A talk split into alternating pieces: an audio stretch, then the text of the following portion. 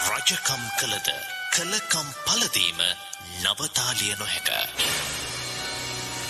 ශ්‍රීමත් ආත කොනන්ඩොයිල්ගේ A Scandal in Bohemia Sherlock Holmes කෙටිකතාව ඇසුරෙන් ඡායාරූපය මෙතැන් සිට ෂා Mrs හඩ්සන්ගේ කෝපි කෝපේ බොහෝම රහට තියෙනවා. අවුවත්සන් මේ කෝපි බ්‍රසීලයෙන් ගෙන්නන ස්තරම්ම කෝපි. ඒ වගේම මිසිස් හඩ්සන් නියම පදමත කෝපි හදන්න දන්නවා. හෝම්ස් කිව්ව නේද ලියුමක් ආවගක්. ඔව් මේක තටයලෙන් ලැබුණා වොස්සන් එන්න ටිකකට ඉස්සෙල්ලා. බලන්න මේක කියවලා. ආ කෝදෙන බලන්න. ආ. ලිපිනයක්වත් අත්සනක්වත් නෑ.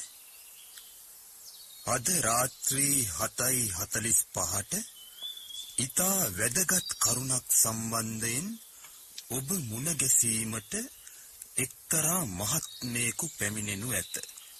එම වේලාවට නිවසට වී සිටින ලෙස ඉල්ලමි. මෙම අමුත්තා වෙස් මුහුණක් පැළඳගෙන සිටිනු ඇත. එය වරදවා වටහා නොගන්නා ලෙස ඉල්ලමි. පුදුම කතාවක් නේ. මොකක්ද මේකේ තේරුම? වොට්සන් මොකද මේ ගැන හිතන්නේ? ලියුම එවලා තියෙන තැනැත්තා ලොකු සල්ලිකාරයෙක් වෙන්න ඕන. මේක ඉස්තරම් වර්ගයේ කඩදාසියක්. ඒ වගේම එංගලන්තේ නිෂ්පාදනය කරපු කඩදාසියක් නෙවෙයි. ඒක ලාම්පු එළියට අල්ලලා බැලුවහම ඉංග්‍රීසි අකුරු දෙකක් පේනවා.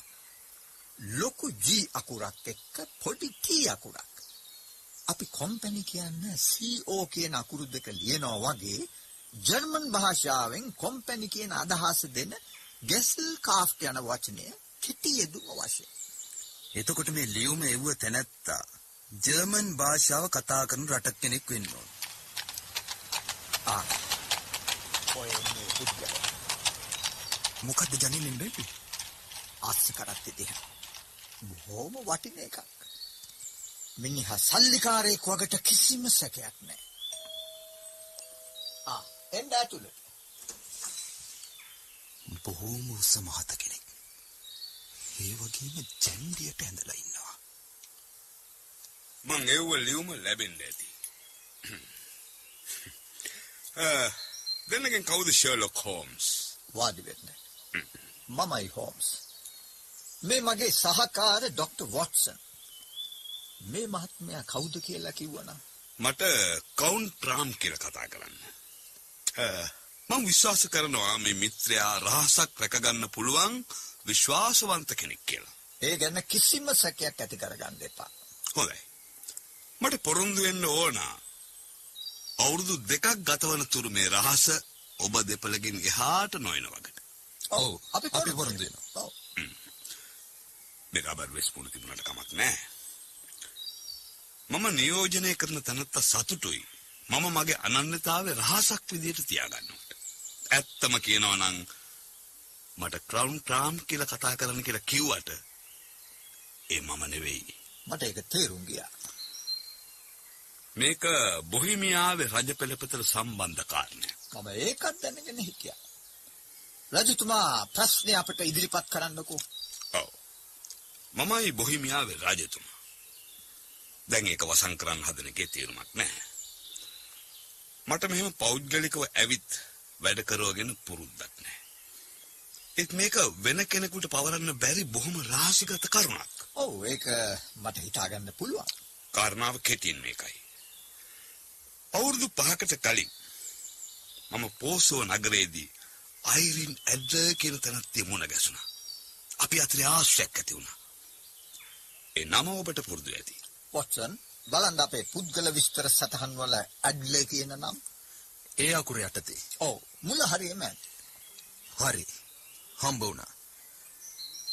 ඉපදුනේ 1858 නිව් ජර්සිහිදී. වෝසෝහි ඉම්පීරියල් ඔපෙරා මුද්‍රා නාට්‍ය සමාගමේ ප්‍රධාන නාට්‍යාංගනාව ලෙස කටයුතු කළා. දැන් එයින් ඉවත් වී ලන්ඩනයේ පදිංචි වී සිටිනවා. හරි. ඒ ඇති. මම හිතන්නේ ඔබතුමා මේ නිලියට ආදර හසුන් ලියලා ඇති. දැන් ඒවා ආපහු ලබා ගන්නයි උවමනාව. හරියටම හරි. හරියටම හරි. ඒ කොහොමද ඒවා පහු ලබා ගන්නේ? දෙන්න අතරේ රහසිගත විවාහයක් සිද්ධ වුණාද? නැහැ. නීත්‍ය අනුකූල ලිය කියවිලි මොකක්ද තියෙනවද? නැහැ. ඉතින් එහෙමනම් මොකද්ද ප්‍රශ්නේ? ඔබතුමා මේ ලියුම් ලිව්ව බව මේ තරුණ කාන්තාව ඔප්පු කරන්නේ කොහොමද? ඒවා ඒවා මගේ අත්තකුරෙන් ලියපුවා. ඒ හා සමානව ලියපු වෙන කෙනෙක්ගේ අත්තකුරු. ඉවරයිනේ. ඒ ලියුම් ලියලා තින්නේ මං වෙනුවෙන් විශේෂයෙන් හදපු කඩදාසිවල. ඒවා කවුරු හරි හොරකම් කරගෙන මගේ රාජ්‍ය මුද්‍රාව, හොරට ඒකත් හදලා ගහලා මගේ ෆොටෝ එක, කොහෙන් හරි හොයාගෙන. ඒක ඒක අපි දෙන්න එකට ඉඳලා ගත්ත ෆොටෝ එකක්. එහෙම නම් ඒක බරපතල ප්‍රශ්නයක්. ඔව්. මම කරපු පිස්සු අමන වැඩක්. මේක නම් ගැලවෙන්න බැරි උගුලක්. මම එතකොට රජකුමාරයෙක් විතරයි. දැන් මම රටේ රජතුමා. අපි මුදල් ගෙවලා ඡායාරූපේ ආපහු ගන්න. එයා එකට කැමති නෑ. එහෙමනම් හොරකම් කරමු. පස් වතාවක් උත්සාහ කළා. දෙපාරක් ගේ බින්දා. වතාවක් අතරමඟදී ගමන් මළු සෝදිසි කළා. දෙපාරක් මග රැකලා ගෙනිච්ච දේවල් බංකොල්ල කෑවා. ඒත් වැඩක් වුණේ නෑ. ෆොටෝ එක ගැන ලකුණක්වත් නැහැ. නැහැ නේන්නම් නැහැ නේන්නම්. මොකක්ද යා මේ පින්තූරෙන් කරන්න බලාපොරොත්තු වෙන්නේ? මාව විනාශ කරන්න විනාශ කරන්න. ඒ කොහොමද? මම විවාහ වෙන්න ඉන්නේ හෙට අනිද්දාට. මට දැනගන්න ලැබුණා. ස්කැන්ඩිනේවියාවේ රජතුමාගේ දෙවන දුවත් එක්ක. එයාගේ නීති රීති බොහොම තදයි. මගේ නම ගෑවිලා කට කතාවක් පැතුනොත් මේ විවාහය කෙරෙන්නේ නැහැ. අයිරින් නැඩ්ල මොකද කියන්නේ? මේ පින්තූර ඒ රජ පවුලට යවනවා කියලා තර්ජනය කරනවා. කිව්වොත් කරනවාමයි. මූණ සෞම්‍යයි. ඒත් හදවත යකඩ වගේ. මං වෙන කාන්තාවක් විවාහ කරගන්න එක වළක්වන්න ඕනෑම දෙයක් කරයි. තවම යවල නැති වගේ විශ්වාසය. ඔව් හරියටම දන්නවා. ඒ කොහොමද? යවන්න තර්ජනය කළේ නම් ප්‍රසිද්ධිය දවසට. ඒ ලබන සඳුදා. එහෙමනම් අපිට තව දවස් 3ක් තියෙනවා. ඒක බොහොම හොඳයි. මට හොයාගන්න අවශ්‍ය කාරණා දෙක තුනක් තියෙනවා. ඔබතුමා මේ දවස් ටික ලන්ඩන් නුවරම ඉන්නවද? ඔව්. මම ලැන්හැම් හෝටලේ ග්‍රවුන්ඩ් වොන් ට්‍රාම් කියන නමින් නතර වෙලා ඉන්නවා. අපේ පරීක්ෂණවල ප්‍රගතිය මම වරින් වර දන්නවා. හ්ම්, එහෙම කරන එක බොහොම වටිනවා. මේ කටයුත්ත කරලා දුන්නම මම විශාල ගාස්තුවක් ගෙවනවා. ඒකක විය හේදන් වලට. මෙතන පවුන් 1000ක් තියෙනවා. හ්ම්, හොඳයි. මේ කාන්තාවගේ ලිපිනේ බ්‍රයනි ලොජ්. බ්‍රයනි ලොජ්. සර්පන්ටයින් මාවත සාන්ත ජෝන් ප්‍රදේශ. වොට්සන් මේ මුදලට හරි. මම කුයින්තාන්සියක් ලිව්වා. ලිපිනයත් සටහන් කරගත්තා. බොහොම හොඳයි වොට්සන්. තව එකම එක ප්‍රශ්නයක් තියෙනවා ඔබතුමාගෙන් අහන්න. මේ ඡායා රූපය කැබිනට් ප්‍රමාණය එකක්. හ්ම්, ඔව්. එහෙමනම් ඉක්මනින්ම ඔබට සතුටුදායක ආරංචියක් ගේන්න උත්සාහ කරන්න. මොකද හෝම්ස් තවමත් නැත්තේ? හවස 3 වෙනකොට ආපහු එනවා කියලායි කිව්වේ. දැන් හතරක් පහු වෙලා. කොහෙද මේ යන්නේ? කාගේ අවසරයක් පිටද? මගේ කාමරේට යන්න මට කාගේවත් අවසර ඕනද ගවර්නර්? අනේ. අනේ ඇත්තමයි මට හෝම්ස් හඳුන ගන්න බැරුව ගියා. රිස් මාරුව නම් හරිම අපූර්වයි. හරියම වෙහෙසයි වොට්සන්. මේ ගොරෝසු ඇඳුම ඇඳගෙන බොරු රැවුල් අලවගෙන පැය ගාණක් ඉන්න එක ලේස් පාසු වැඩක් නෙවෙයි. නියම රස්තියාදුකාරයෙකුගේ පෙනුම. මේ වෙස් මාරුව මගේ කටයුතු වලට හුඟක් උදව් වුණා. හැබැයි ඉතින් අස්සෙන්ට සාත්තු කරන්න සිද්ධ වුණා. ඒ කිව්වේ? මම ගියා අයිරින් ඇඩ්ලගේ ගේ හොයාගෙන. ඒ එක්කම තියෙන්නේ අස්ස කරත්ත කුලියට දෙන තැන. මම එතන හිටපු අස්ස කරත්ත කාරෙක් එක්ක කතාවට වැටුණා. අද අස්සෙන්ට නිවාඩු දීලා වගේ. අස්සයින්ටයි කරත්තවලටයි නිවාඩු දුන්නා. ඒත් අපට නිවාඩු නෑ. අපි උන්ට සාත්තු සප්පායම් කරන්න එපාය. බැලුවහම අපි උන්ටත් අන්ත. ඒ කතාව නම් ඇත්ත. දුප්පත් මිනිහා සිව්පාවටත් වැඩිය අන්තයි. මට දැකලා පුරුද්දක් නම් නැහැ මීට කලින්. මං ටිකක් ඈත පළාතක කෙනෙක්. රස්සාවක් හොයාගෙන. අදට නම් රස්සාවක් දෙන්න පුළුවන්. ඒකත් ලොකු දෙයක් වෙලාවේ හැටියට. එහෙනම් ඔන්න ඔය අස්සයට කොල්ලු ටිකක් එහෙම දමලා පොඩ්ඩක් පිහ දාලා දාන්න. අර බුරුසුව අරගෙන. පයින් ගහයිද? නෑ. බොහෝම හීල සතා. මෙන්න මේ අල්ලපු ගෙදර උදවියට නම් කාසිබාගේ හිඟ නැතුව ඇති නේද? දන්නවද ඔය ගෙදර ඉන්නේ කවුද කියලා? මං ඉතින් මේ පළාතේ උදවිය අඳුනන්නේ නැහැනේ. ඔව් ඒක හරි. ඔය ගෙදර ඉන්නේ අර බොහොම ප්‍රසිද්ධ නාටිකාංගනාව අයිරින් නැඩ්ලර් කියන ආ මං අහලා තියෙනවා තැනැත්ති ගැන. බොහොම ලස්සන කෙනෙක්ලු නේද? ඉටි රූපයක් වාගේ. ඒ වගේමයි ගුණ යහපත්කම. ඒ දෙක එකට පිහිටන්නේ කලාතුරක. ඒක හැබෑව. ආ අන්න අර අර එළියට ආවා. කිව්වත් වගේ බොහොම ලස්සනයි නේනම්. මේ කවුද පෝටිකෝ යට ඉන්න පිරිමියෙක් කෙනා? එයා තමයි ඔය ගෙදරට එන එකම අමුත්තා. ගොඩ්ෆ්‍රි නෝටන් නීතිඥ මහත්තයා. අස්සය දැඟලිල්ලක් නෑ පිහදානකොට. සනීපෙට ඉන්නවා. මොකක්ද එතකොට මේ නීතිඥයාගේ අයිරින් ඇඩ්ලගේ තියෙන සම්බන්ධය? ඇති නීති උපදේශකයාද නිකම්ම මිත්‍රයෙක්ද? ඒත් නැත්තම් පෙම්වතාද? නීති උපදේශකයා නම් නිච්චේතම ෆොටෝ එක ඇත්තේ එයා ළඟ. මොකද කතා නැත්තේ? ආ නෑ මේ වැඩේ කරලා ඉන්න එපා. අන්න අන්න දෙන්නම අර පාරයිනේ නවත්තලා තිබුණ අස්ස කරත්තෙට නැග්ගා. බෑට මොකද කවුද දන්නේ? මොකද තමුසි කලබල වුණේ. අපට මොකෝ කොහේ ගියත් තමුසි බාරගත්ත වැඩේ කරනවා. නෑ නෑ මම එන්නම් ගිහිල්ලා. කො- කො- කොහේ යන්නද? ඒක පුදුම කතාවක් නේ. නෑ මට මේ පොඩි හදිස්සියක් මේ කතා කර කර ඉන්න වෙලාවක් නෑ. මම යනවා. නෝනා මහත්තයාගේ ලස්සන දැක්කම අඳුම් කුඳුම් වුණා. කොහෙද යන පිස්සෙක්? ඉතින් ඊට පස්සේ මොකද වුනේ? මමත් අස්ස කරත්තයක් නවත්තගෙන පස්සෙන් ගියා. දෙන්න කෙලින්ම ගියේ සාන්ත මොනිකා දේවස්ථානෙට. ඒ මොකටද? දෙන්න දේවස්ථානෙන් පිට වුණේ අඹු සැමියෝ විදියට.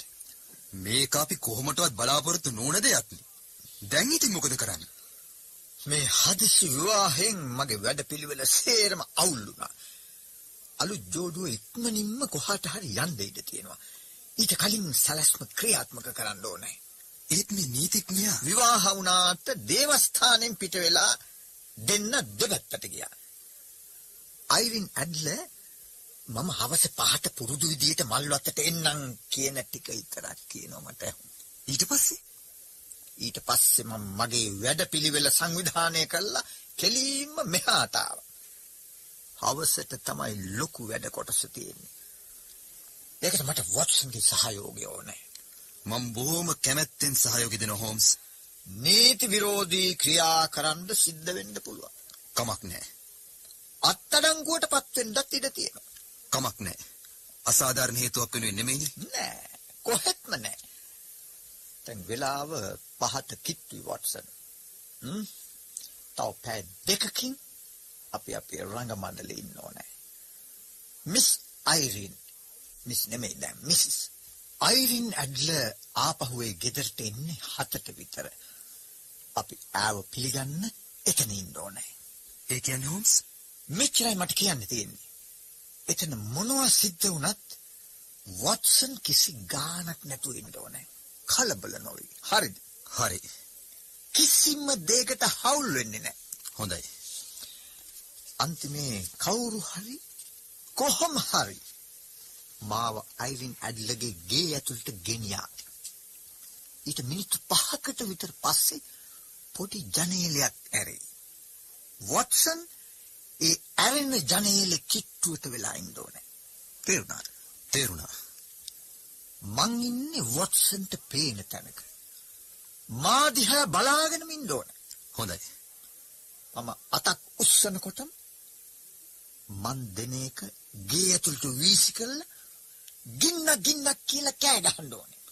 පැහැදිලිද? පැහැදිලි. ආ මෙන්න මේක. මේක කිසිම හානි කර දෙයක් නෙවෙයි. පුංචි දුම් බෝම්බයක්. වොට්සන්ට කරන්න තියෙන්නේ එච්චරයි. ගින්න ගින්න කියලා වොට්සන් කෑ ගහනකොටම තවත් අය ඒකට එකතු වෙයි. ඊට පස්සේ හෙමින් පාරේ එහා කොනට ඇවිදගෙන යන්න. මම මිනිත්තු 10කින් වොට්සන්ට එකතු වෙන්න. හොඳයි හෝම්ස්. එහෙමනම් මම මගේ අලුත් චරිත රංගපාන්න හැඩ වැඩ වෙන්න. හෝම්ස් දැන් නම් වයසක පූජකතුමෙක් වගේමයි. පලාත පාලුනාට මේ කිට්ටුව සෙනග හරියට ගැවසෙනවනේ. කතුරු මුවත් තියෙන මිනිස්සු හිඟන්නු මුරකාරයෝ ඔව් හුඟක් ඉන්නවා. එකක් වොට්සන්. මේ කසාද හින්දා අපේ වැඩ කටයුතු ලේසි වෙනවා. දැන් ඔය පින්තූරේ දෙපැත්ත කැපෙන ආයුධයක් වගේ. රජකුමාරි මේ පින්තූරේ දකින්නවට රජුරෝ අකමැති වගේම නීතිඥයා මේක දකින්නවට අයිරින් අකමැති වෙයි. දැන් ප්‍රශ්නේ කොහෙද පින්තූරේ තියන්නේ කියන එක. කොහෙද ඇත්තේ ඕක? යන යන තැන අරන් යනවායි කියලා හිතන්න බෑ. මේක කැබිනට් ප්‍රමාණයේ ඡායාරූපයක්. අඳුන් අස්සි හංග ගන්නත් බෑ. ඒ දන්නවා රජතුමා මඟ රැකලා මේක පැහැර ගන්න ක්‍රමයක් ලෑස්ති කරනවා. දෙපාරක් එහෙම කළා. ඒත් හම්බ වුණේ නෑ. ඒකෙන් පැහැදිලි යන යන තැන ගෙනියන්නේ නැති වගේ. එහෙමනම් කොහෙද ඇත්තේ? බැංකුව බාරේ නැත්නම් නීතිඥ ළඟ වෙන්නත් පුළුවන්. ඒත් මට නම් ඒකත් සැකයි. ගෑනු උදවිය කැමති තමන්ගේ රහස් තමන්ටම සීමා කරගන්න. ඒක හන්දා මේක ඇත්තේ එයාගේ අත ළඟම. ගේ ඇතුළෙම. ඒත් ගේ දෙපාරක් බින්දා. හොරු හොයන විදිය දැනගෙන හිටියේ නෑ. හෝම්ස් කොහොමද හොයන්නේ? මම හොයන්නේ නෑ. එහෙනම් ඈ ලව්ව හොයා ගන්නවා. ඈ බෑ කියයි. බෑ කියන්න බැරි වෙන. ආ. ඔන්න එන්නේ ඇදී අස්සතර. මම කිව්ව විදිහටම වැඩ කරා. අන්න රස්ති අධිකාරියෙක් ඉස්සරහට පැන්නා කරත්ති දුරැල්ල සන්තෝෂමක් ගන්න. තව එකෙක් පැනපි. ඒයි ඒයි මමයි මිනිියෝ නොන මහත්තයා කරතේ දුරරින් ඉස්සෙල්ලම ආවේ ඈ ඔබ වෙන්නේ කොහමද? ඔබ වෙන්නේ කොහමද මිනිහෝ? අයින් අයින් උඹ උඹයින් යන් තක්කඩියා හොඳ පාඩමක් උගන්වන්න ඕමල. කඩනවා කඩනවා හතර හන්දි අනේ අනේ අනේ කලබල කරන්න එපා. මැඩම් මම මරනවා. අනේ මට යන්න දෙන්න. කලබල නොකර ඒ නෝන මහත්තයාට යන්න දෙන්න අයින් වෙන්න මං කියන දේ අහලා අයින් වෙන්න.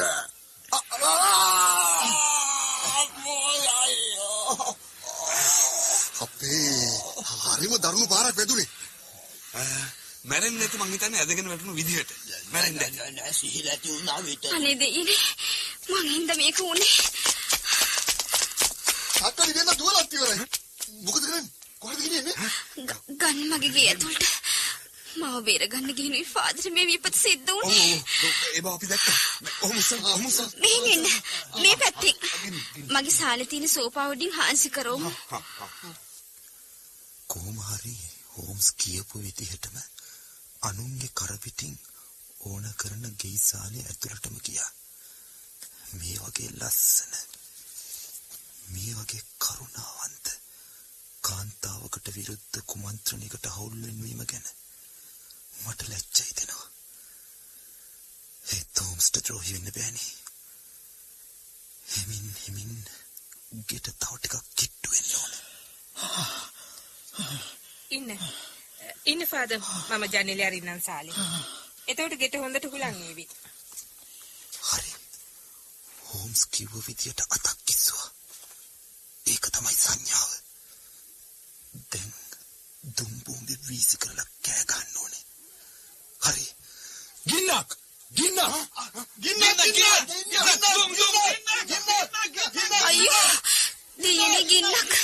අපොයි දීනි මන් දැන් මොකද නහ, කරන්නේ? නහ, නහ, ගින්නක් නහ. කලවල වෙන්න එපා. කාගේද බොරුවක්? දැන් ඉතින් හිමින්ම පාරේ එහා කොනට යාගන්න එකයි මට තියෙන්නේ. වත්සන් බොහෝම අපූර්වට තමන්ගේ රාජකාරී ඉෂ්ට කළා. හැම දෙයක්ම බලාපොරොත්තු වුණ විදිහටම කෙරුණා. ෆොටෝ එක හම්බුණාද? නෑ. ඒක තියෙන තැන දැනගත්තා. කොහොමද දැනගත්තේ? මම කියපු විදිහටම අයිරින් ඇඩ්ල මට පෙන්වා. මට නම් තවමත් කිසිම දෙයක් තේරෙන්නේ නැහැ හෝම්ස්. වොට්සන්ට තේරෙන්න ඇතිනේ. ඒ ගේ අවට හැසිරුණු සේම මගේ මිනිස්සු මම මේ වැඩේට යොදාගත්තා. මට හිතුණා රණ්ඩුව වෙනකොටම මං අතේ තිබුණු රතු පාට පේන්ට් වර්ගයක් මූනිකාගෙන බිම ඇදගෙන වැටුණා. පොඩි පහේ උපක්‍රමයක්. ඒකත් මම දැනගත්තා. මාව ගේ ඇතුළට නොගෙන බැරි තැනට කටයුතු යෙදුණා. වෙන මොකද කරන්නේ තුවාල වෙලා සිහි නැති වෙච්ච මිනිහෙකුට පාරේ ඉන්න අරින්නේ. මාව හාන්සි කරවලා තිබ්බේ සාලේ ඇතුලේ නිදන කාමරේ ළඟ කවිච්චියේ. මම හුස්ම ගන්න අමාරු වගේ අඟවනකොට ජනේලේ අරින්න සිද්ධ වුණා. වොට්සන්ට දුම් බෝම්බ ගේ ඇතුළට වීසි කරන්න අවස්ථාව ආවා. ඉතින් මොකක්ද ඒකෙන් අත්වෙච්ච වාසිය? ඒක බොහෝම වැදගත්. තමන්ගේ ගේ ගිනිගත්ත වගේ දැනගත්ත හැටියේ ගෑනු කෙනෙක් දුවලා යන්නේ තමන්ගේ වටිනාම වස්තුව තියෙන තැනට. අම්මා කෙනෙක් නම් දරුවා ළඟට. අවිවාහක කෙනෙක් නම් රත්තරන් බඩු තියෙන තැනට. මෙතෙන්දි මම දැනගත්තා මේ කාන්තාව වැඩියෙන්ම ආරක්ෂා කරන දේ මේ ඡායාරූපේ විත්තිය. ගින්නක් කියලා කෑ ගහනවත් එක්කම ඇය ඡායාරූපේ තියෙන තැනට දුවගෙන ගියා.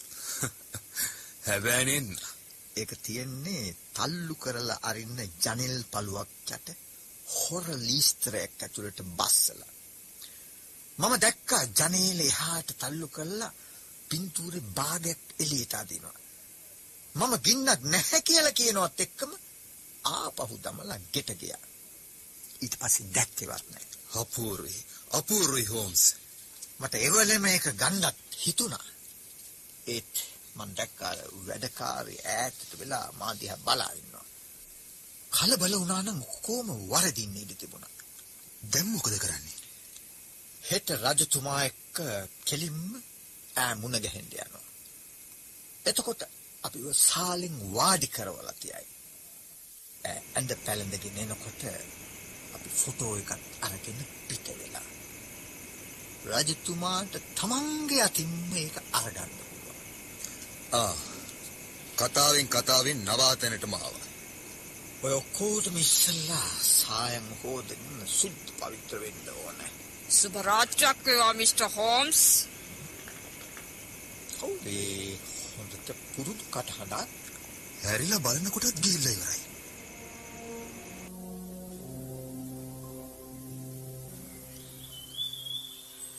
මම පණිවිඩේ ලැබුණ හැටි ආවා. ෆොටෝ එක අතර ගත්තද? තාම නෑ. බලාපොරොත්තු තියනවද? ඔව් සියයට සිය. අයිරින් නැට්ල විවාහ වුණා. කවදද?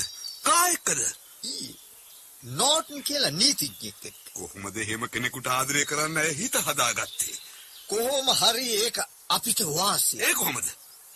ඔහුට ආදරේ නම් තව දුරටත් ඔබට ආදරේ නැහැ. එහෙමනම් ඔබේ විවාහයට බාධා කරන්න ඈට අවශ්‍ය නැහැ. රජිනක් වෙන්න අපූරු කාන්තාවක්. ඒත් වැඩක් නෑ. බයි. අර ඉන්නේගේ සේවිකාව. මේ මිස්ටර් ෂර්ලොක් හෝම්ස් වෙන්න ඕනේ. ඔව් මම තමයි. නෝන මහත්තයා කිව්වා ඔබේ කියලා. උදේම ප්‍රංශයට ගියා. එංගලන්තෙන් පිට වෙලා ගියා. ඔව්. ආපහු නොඑන්නම. ඉවරයි. ඔක්කොම ඉවරයි. ඔක්කොම ඉවරයි. ආ ඉන්න බලන්න. ගිහින් තියන්නේ හදිස්සියේ. හ්ම්? ආ මේ එතන තියෙන්නේ වෙන ෆොටෝ එකක් නේ. හ්ම්? ලියුමක් තියෙනවා මගේ නමට.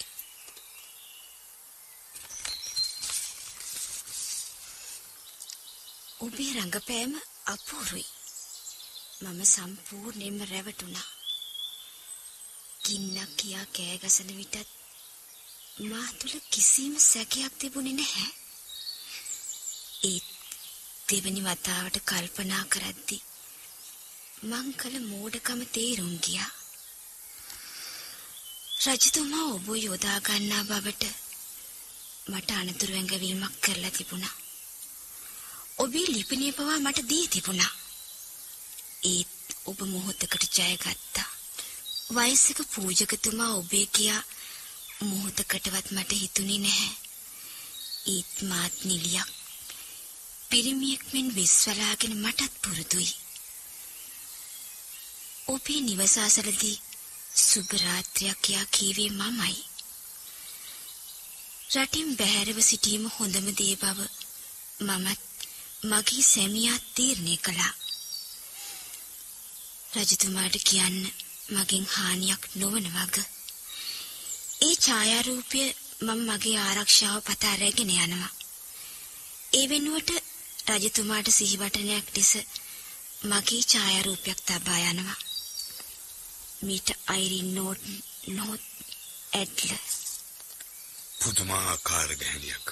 පුදුමාකාර ගැහණියක්. දැන් මට බයක් නෑ. ඒ එක වචනේ ගැහණියක්. ෂර්ලොක් හෝම්ස් ඔබ කැමති දෙයක් කියන්න. ඕනෑම තෑග්ගක් දෙන්න මං සූදානම්. ඔබතුමාගේ අකමැත්තක් නැත් ඔව් කියන්න කියන්න. ඕනෑම දෙයක් ඕනෑම දෙයක්.